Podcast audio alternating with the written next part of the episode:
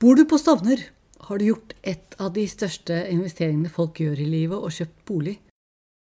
Det skjer ikke hver dag, og da må du vite at det handler ikke bare om å finne riktig sted der du kan trives med deg og dine. Du må ha riktig pris og et levelig boliglån. Du inngår et partnerskap med naboene, alle 200 av dem med familier. På blokkene langs Gjelleråsen er organisert i sameier, og det betyr at det er mange løse skruer i dette forretningseventyret. Hva skjedde med Samspillavtalen? Er det irrelevant, eller er det en historie verdt å fortelle? I så fall, hvilken sjanger er det? Er det en komedie, politisk drama, dokumentar eller true crime? Kanskje er det en skrekkhistorie om hva som skjer når advokater kommer inn. Følg med for mer.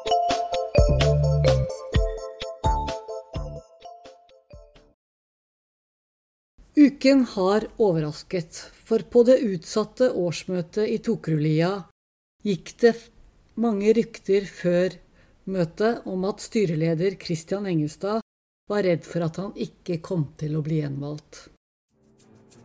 Det er nå bekreftet.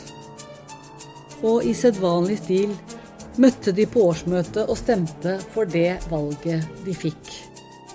Tokrulia har valgt Alf Erik Vollen, og han er ikke ny. Han er en god, gammel kjenning i denne sammenheng. Plottkast graver historier fra virkeligheten. Jeg skriver fiksjon og dramatikk for film og teater, og det er her jeg vil grave videre i hva som skjedde på Tokerberget, for å finne inspirasjon og ideer til noe annet, noe urelaterbart, med en klang av sannhet som bærer universell læring slik gode fortellinger og kunst skal gjøre. Den største kunsten hviler i veldig stor grad på karakterer. Hva er Iliaden uten sine greske helter? Alf Erik Vollen kom inn i plottet i denne uken, men han har vært med før, og han er i høyeste grad en del av dette. Jeg skal tillate meg selv å drodle rundt disse karakterene senere, men først må vi ta tak i rammehistorien.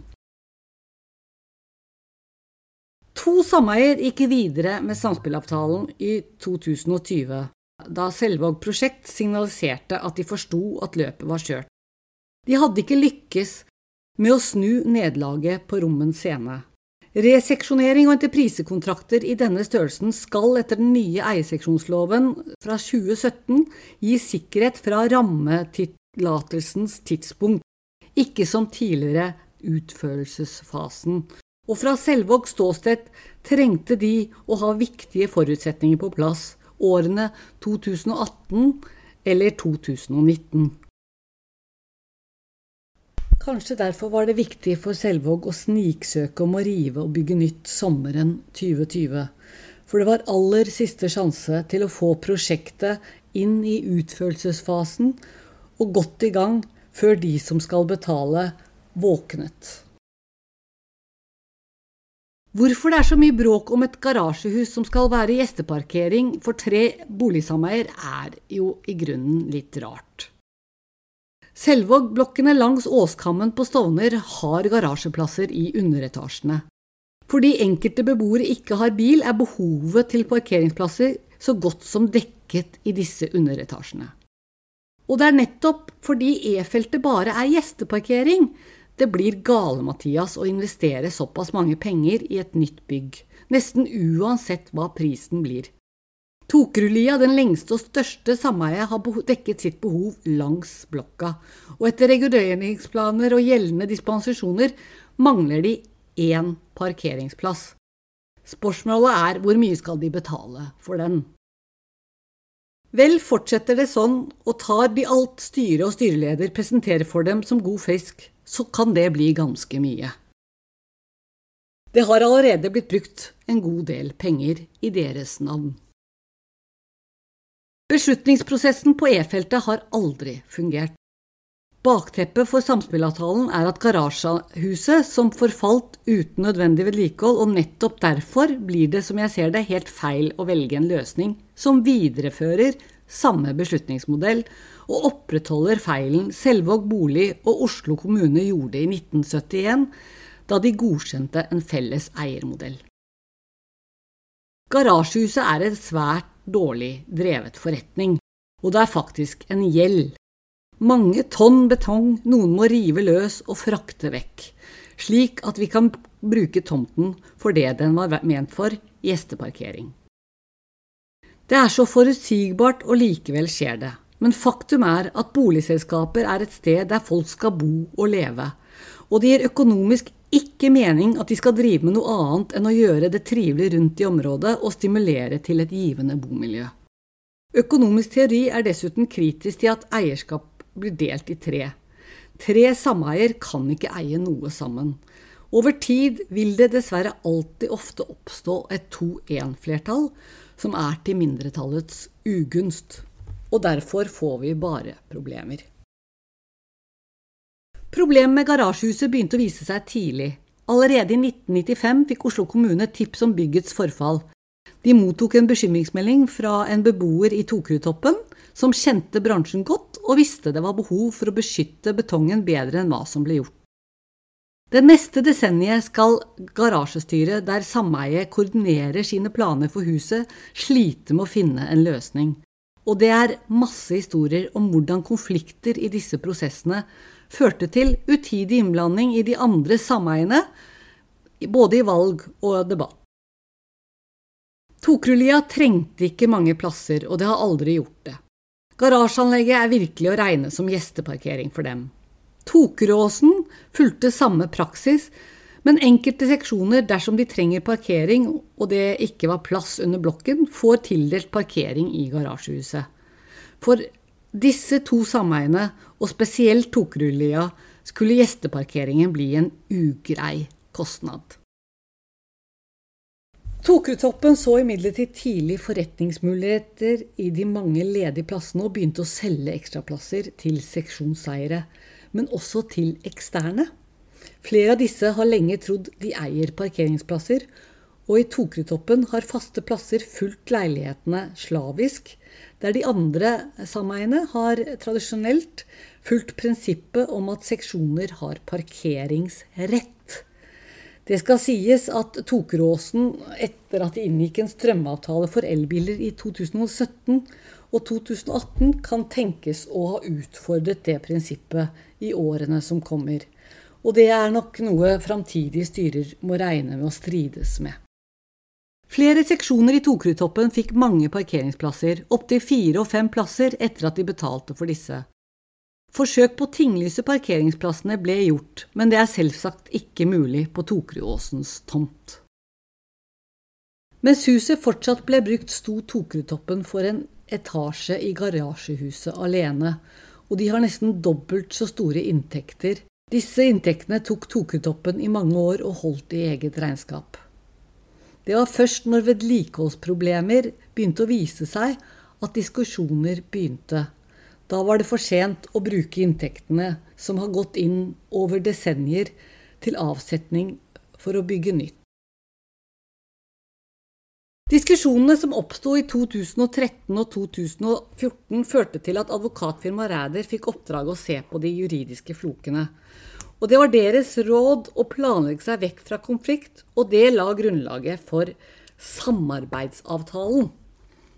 Samarbeidsavtalen var en styrt og planlagt drifting av garasjehuset gjennom de tre boligselskapene.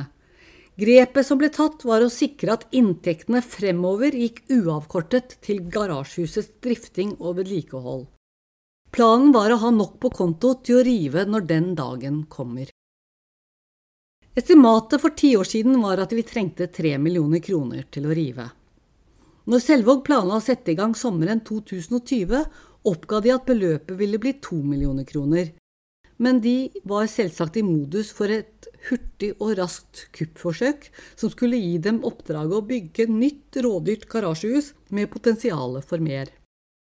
Styreledere skal senere ha mottatt nye estimater for riving, trolig med kostnader for å preparere tomten og gjøre den brukende, og rykter sier at det nye beløpet ligger over 10 millioner kroner.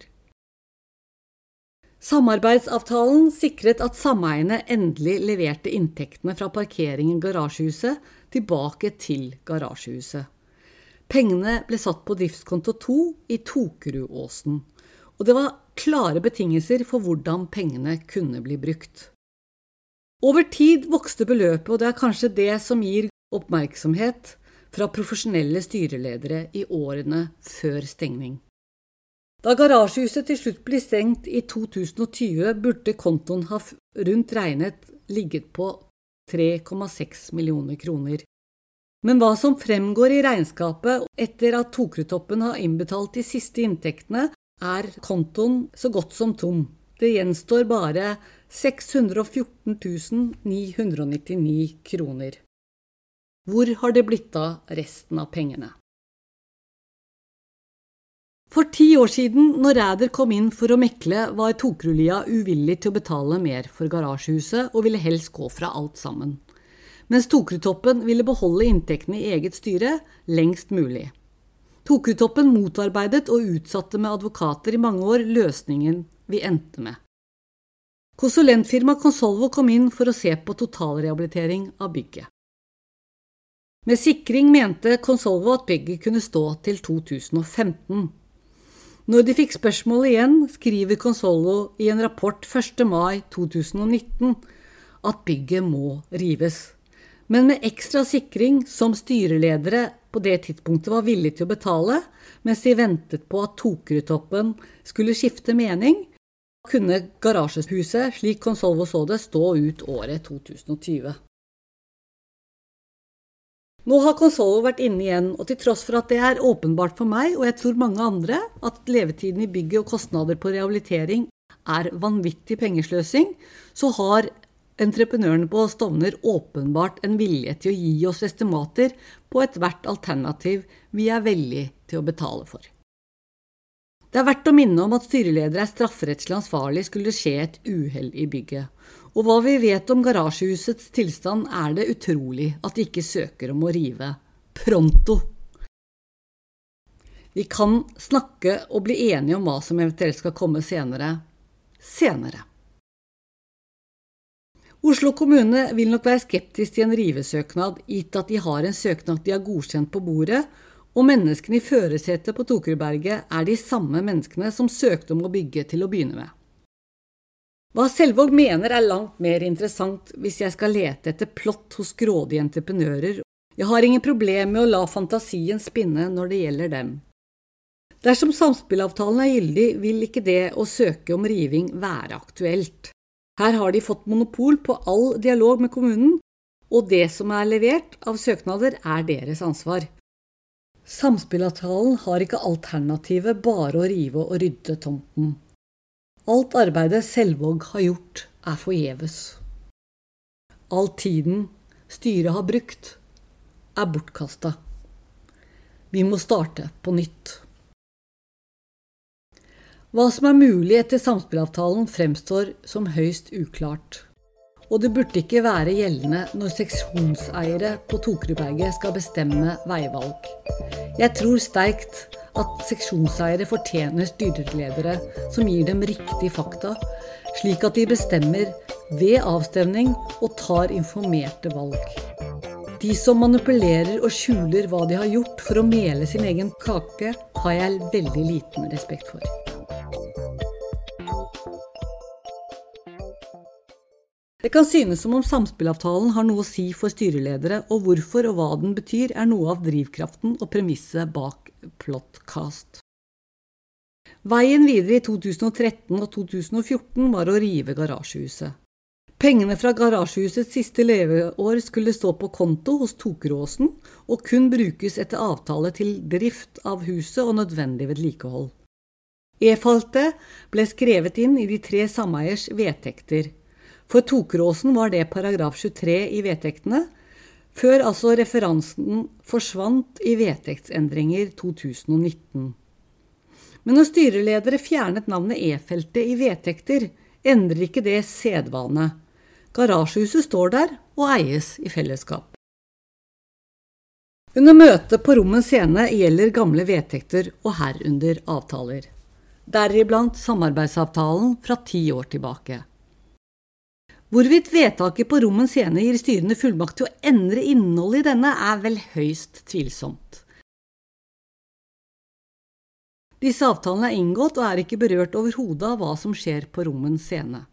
Det betyr at en avtale som regulerer og gir bakgrunn for driftskonto 2 og forvaltning av penger vi allerede har spart til et felles formål, blir ikke nødvendigvis endret sånn helt uten videre.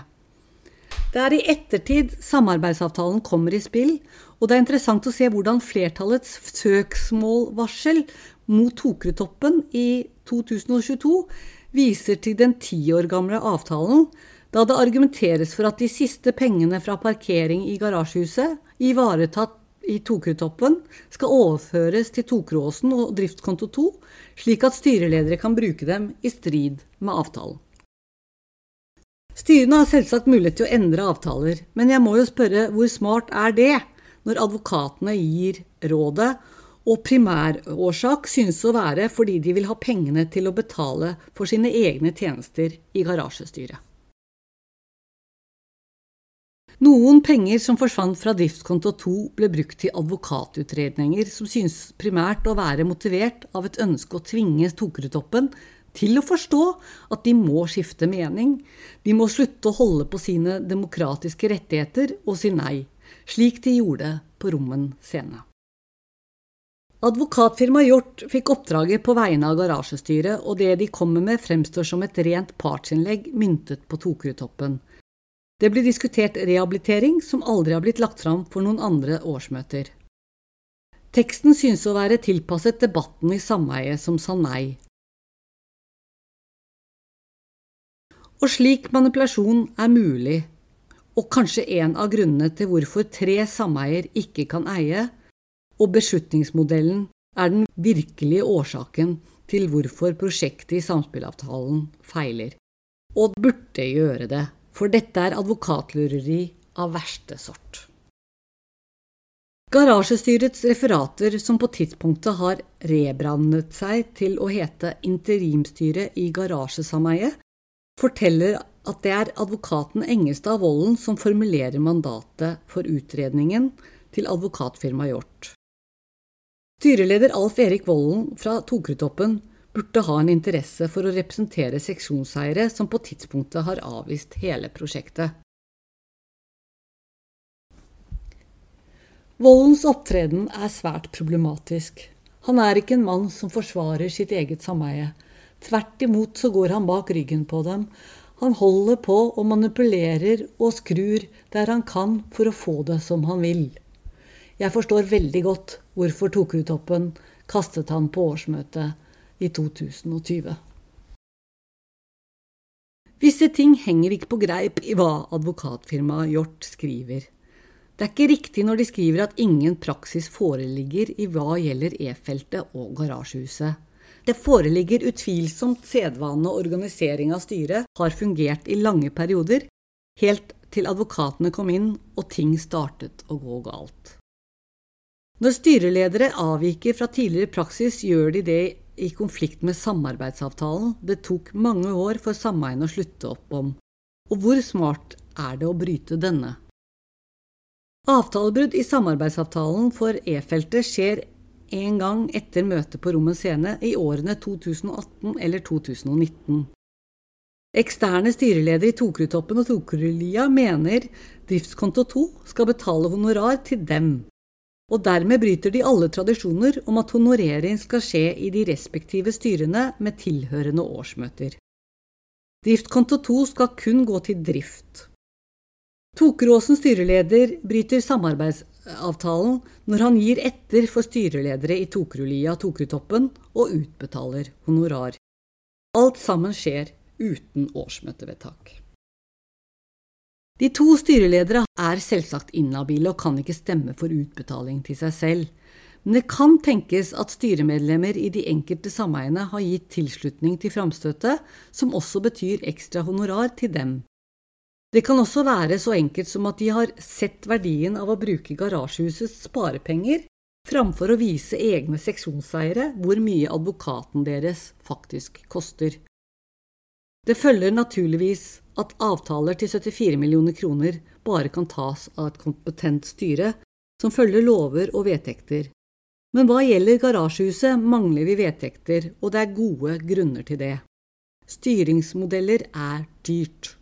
Advokater er dyrt. Administrasjon av parkeringsplasser er dyrt. Manipulasjon er dyrt. Løgnere er dyre. Det eneste sameiet som vedtok hva som ble lagt foran dem i ordinære årsmøter sommeren 2020, var Tokerudlia. De har vedtatt alt styreleder Christian Engestad har lagt foran dem. Det er ingen som bestrider at seksjonseiere i Tokerudtoppen ikke stemte for å ta opp lån og bygge nytt garasjehus hvilket også innebærer at de stemte ned C stifting og eierskap av felles garasjesameie. Hva gjelder Tokeråsen, ligger bygget på festetomt, og deres unike vedtak D er det eneste som er relevant i denne sammenheng. Vedtaket om deling av eiendommen krever tilslutning fra alle seksjonseiere, og innebygget i teksten får styret fullmakt til å overføre hjemmel til et nyetablert garasjesameie. Fem stemmer sa nei, og det er fem for mange for at styreledere kan si at de har et flertall. Flertallskravet er enstemmighet. Forslag D falt. Det betyr at det er 2-1 flertall mot samspillavtalen på Rommen scene. Følgelig er det besynderlig å lese referater fra garasjesameiet i denne perioden. Alle aktivitetene styreledere involverer Selvåg prosjekt i, og planene de legger for seg selv og andre. Jeg må komme tilbake til det i en egen episode. Advokat Hjort har i betenkningen fra 2020 lagt forvaltning av garasjehuset til sameielova, og der gjelder simpelt flertall. Advokat Aslak Førde fra Hjort forutsetter at mellom Tokerlia, Tokeråsen og Tokertoppen foreligger det avtaler som regulerer stemmegivning ved avgjørelser som har å gjøre med forvaltning av garasjesameiet, hvilket ikke er tilfellet på E-feltet. Hvert enkelt styre er ansvarlig kun for egne seksjonseiere. Slik demokrati burde fungere. Interim garasjestyre har ikke et kvalifisert flertall til å ta selvstendig vedtak dersom de ikke blir tatt tilbake til egne styrer. Hvorvidt det faktisk har skjedd i alle styrer, er høyst tvilsomt. Jeg mistenker at det ikke har vært veldig stor oppmerksomhet i de ansvarlige styrene rundt honorarfordeling i garasjesameiet. Det blir liksom noe mellom de to representantene i garasjesameiet som er valgt, samt styreledere. Det er rart at garasjesameiet etter vedtakene på Rommen scene handler som om de har alle fullmakter og kan inngå lån og initiere byggekostnader. Det er merkelig at de har så dårlig tid. Alt de trenger å gjøre, er å ha et nytt årsmøte. Men de har ikke det. De har det travelt. Og hvorfor er det ingen som kan forstå. Du må lese referatene fra garasjesameiet før du kan begynne å mistenke at det kanskje er andre agendaer i spill. Det er styrene i sameiet som har ansvar for garasjesameiets disposisjoner mellom årsmøter, og det er deres valgte representanter som kan delegere og gi fullmakter, og disse må være begrenset etter eierseksjonslovens hovedregler. Mitt navn er Sylvia Johnsen, og min inngang til dette surret har vært at jeg stilte spørsmål om årsmøtet på Rommen scene 23.10.2018 og spurte om det var lovlig sammensatt. Jeg løftet spørsmålet opp i mitt eget sameie, og det ble møtt av en mur av taushet. Som jeg ser det, må dette være et bestridt årsmøte, og det fortalte jeg styreledere dagen før det skjedde, og i et brevform to dager senere. Advokat Førde fra Hjort tar ikke stilling til hvorvidt møtet på Rommen scene kvalifiserer til årsmøte etter eierseksjonsloven paragraf 46, og gjør heller ingen vurdering av innholdet i avtalen garasjestyret ønsker å inngå med Selvåg prosjekt. Alt dette er ikke et ubetydelig spørsmål, ettersom det er spor etter hva som må sies å være et kupp i regi Selvåg prosjekt og styreledere på Tokerudberget. Mer enn én part i dette rotet kan se spor av manipulasjon og hevde ond vilje.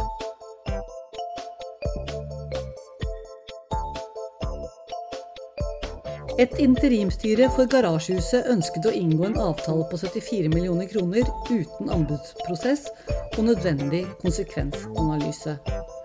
To år har gått, og prosjekteringen har ikke kommet noe videre. Og det er heller ikke med i vurderingen fra advokat Førde. Tiden må ha noe å si, ettersom seksjonseiere til stede jo husker at prosjektet falt. En ting advokaten fra Hjort står fast, er at vedtak i årsmøter binder representantene i garasjestyret, og motsatt. Advokat Førde åpner følgelig for at lovlig vedtak internt i garasjestyret kan være bindende for sameiet i mindretall, forutsatt selvsagt at kostnaden er rimelig, hvilket dette åpenbart ikke er. Mandatet til Førde er å endre utfallet i Tokutoppen, men argumentet legger jo også føringer på Tokeråsens representanter. Utledet fra Førde i advokatfirmaet Hjorts vurderinger må representanter fra Tokertoppen og Tokeråsen stemme sammen og si nei til vedtekter. Forutsetningene for at garasjetyret har mandat til å inngå økonomisk bindende avtaler, er ikke til stede, jf. da paragraf 6 i sameierlova. Fullmaktene er simpelthen ikke der. Men her kan noen kanskje ha trådd feil. Det faktum synes det som om advokat Førde i advokatfirmaet Hjort ikke er forelagt.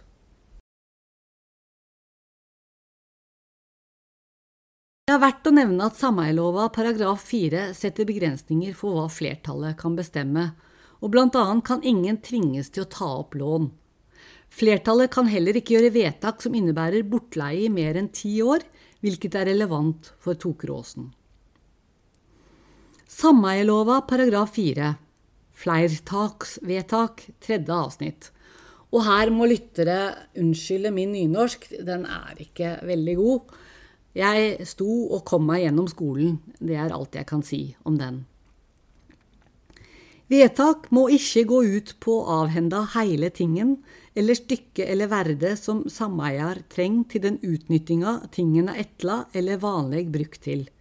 Likt med avhending av de reknar pantsetting. Det samme gjelder bortleie for mer enn ti år. Tokeråsen har friluftsarealet på garasjetaket, og dette kan heller ikke endres uten videre av et flertall. Lekeplassen er utvilsomt et moment som må med i en eventuell søknad om dispensasjon for å parkere på bakkeplan, men det er et dårlig argument for hvorfor sameiet skal betale for nytt bygg. Tomten er et steinkast fra Jesperudjordet og mange fine områder for barn og lek. Investering oppimot 100 millioner kroner, eller halvparten til og med, vil gjøre denne lekeplassen på garasjetaket til verdens dyreste.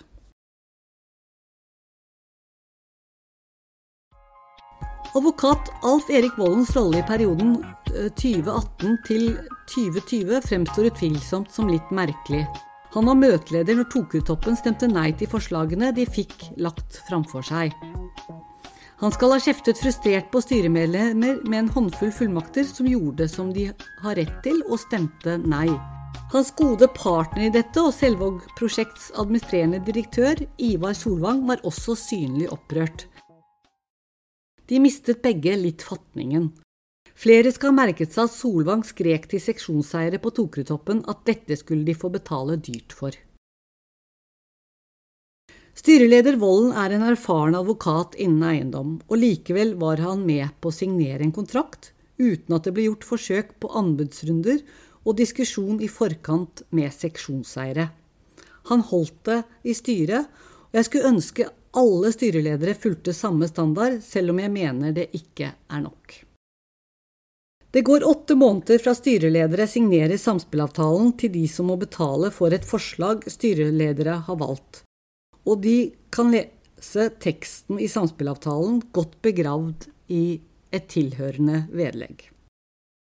Når styreledere signerer med Selvåg prosjekt, må de ha glemt løsninger som garasjestyret konkluderte var det mest realistiske mindre enn et år tidligere, før de trår inn og leker kakser. De synes å ha glemt initiativet tre årsmøter i alle tre sameier vedtok å igangsette et prosjekt rettet til det politiske miljøet i Oslo kommune for å få til en omregulering av tomten, slik at det blir lov å parkere på tomten alene uten et dyrt garasjehus i mange etasjer. Styreledere Vollen, Engelstad og Ali insisterte i stedet på det dyreste alternativet, en kontrakt de inngikk uten anbud. Ingen synes å ha sjekket status på prosjektet alle er med å finansiere, en bestilling som Gjeldnes Consulting skal levere noen måneder senere. Leveransedato er satt til mai 2018. Gjeldnes Consulting startet forhåndskonferansen i byggesak 2017-02-246 med målsetning å omregulere tomten for å parkere på bakkenivå på dato 7.2.2017. Styreleder Nadir Ali blir valgt til rollen 25.4 samme år. Han er fersk i rollen, men ikke i styret. Han har sittet der lenge. Han burde vite hva som foregikk. 20.4.2018 diskuterte administrerende direktør i Selvåg prosjekt Ivar Solvang og styreleder i Tokeretoppen dette initiativet på e-post. Og Volden ber om mer informasjon. Han er synlig aktiv, til tross for at den formelle representanten for sameiet er Terje Benjamin. Diskusjoner handler delvis om forhåndskonferansen, som Gjeldnes initierte året før, og alt som gjelder omregulering. Noe burde skje etter at Selvåg kommer inn, men ingenting skjer. Og Oslo kommune ender med å lukke byggesak 2017-02-246 nesten på dato to år etter at den startet. Styreleder Nadir Ali synes å ha avsluttet oppdraget til Gjeldnes Consulting. Han betalte fakturaer og alt arbeidet. Det eneste han ikke gjør, er å ta imot sluttrapporten som Gjeldnes Consulting vant i en anbudskonkurranse med Selvåg prosjekt. Men nå er det Ivar Solvang som er i førersetet.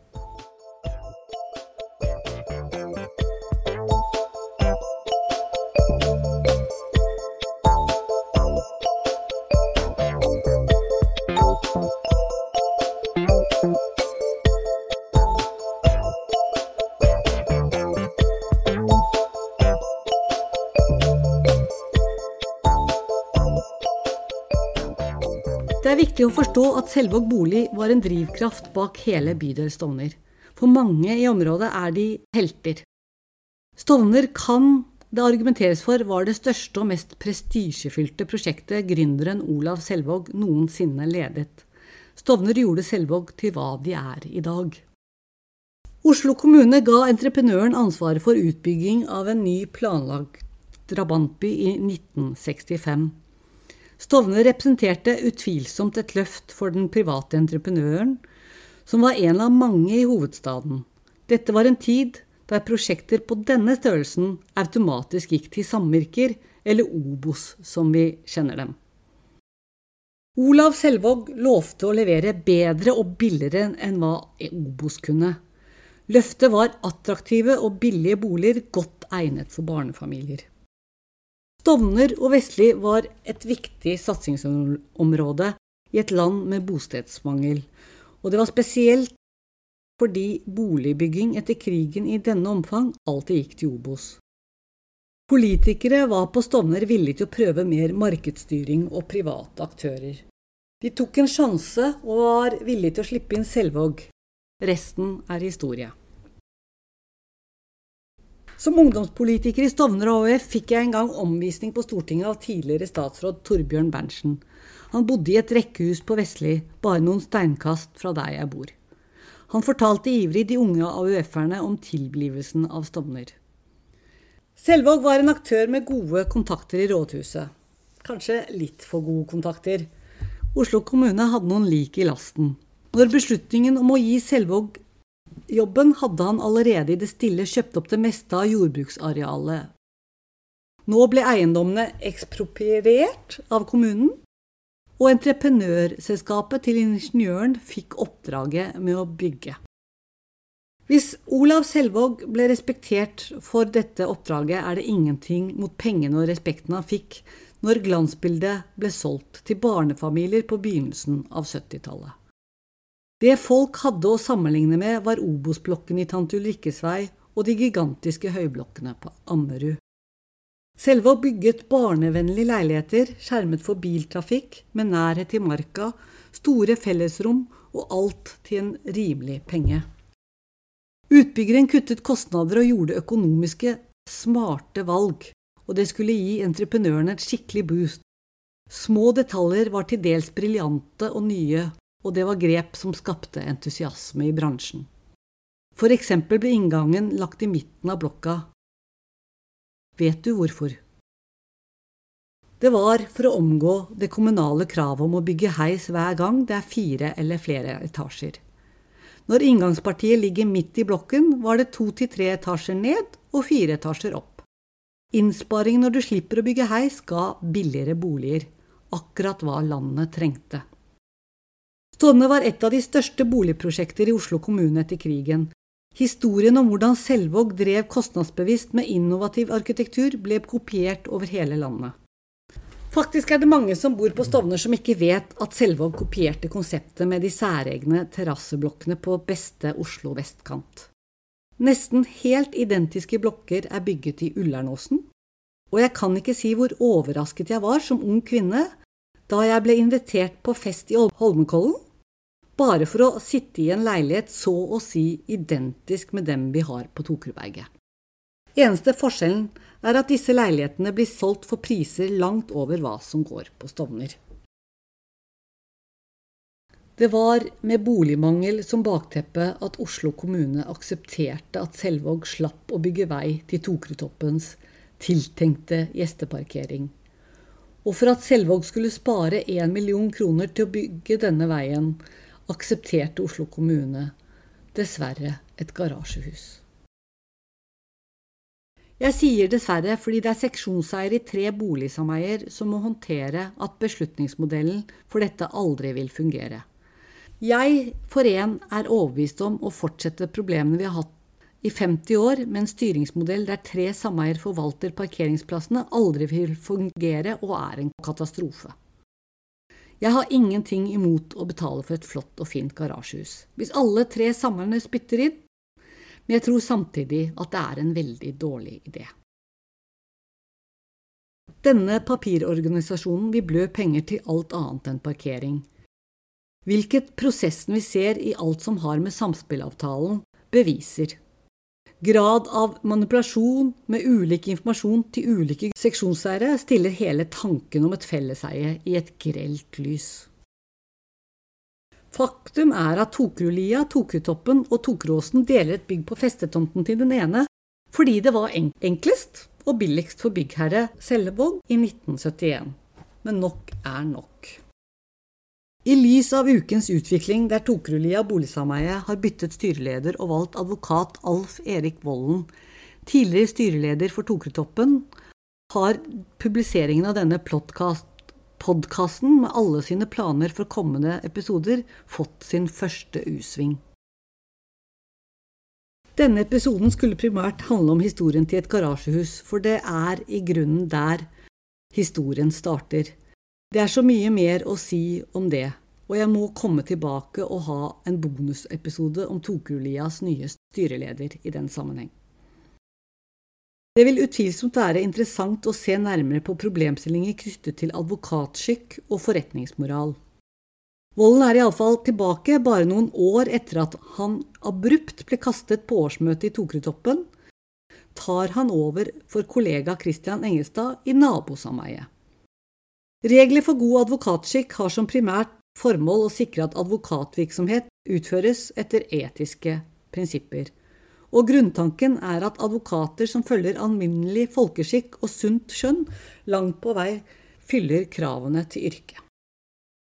Hva vil det si på Tokerberget med de styrelederne vi har? Jeg skal sette meg mer inn i mulige interessekonflikter, for her har jo faktisk Alf Erik Vollen steppet inn som styreleder i et boligselskap, som senest på vårparten i fjor, i et brev datert 4. mars 2022, varslet søksmål mot hans gamle boligsameier. Og det i en sak han var med på å håndtere der, og kjenner svært godt, nemlig forhold knyttet til samspillavtalen og forretningsforholdet til Selvåg prosjekt. Hva den tidligere klienten Tokerudtoppen tenker om det, er interessant. Har volden, som alltid synes å være føre var, innhentet samtykke fra sin, sitt tidligere sameie? Eller er det slik at denne flyttingen ikke er rammet av regler for god advokatskikk? Fordi han er jo faktisk styreleder.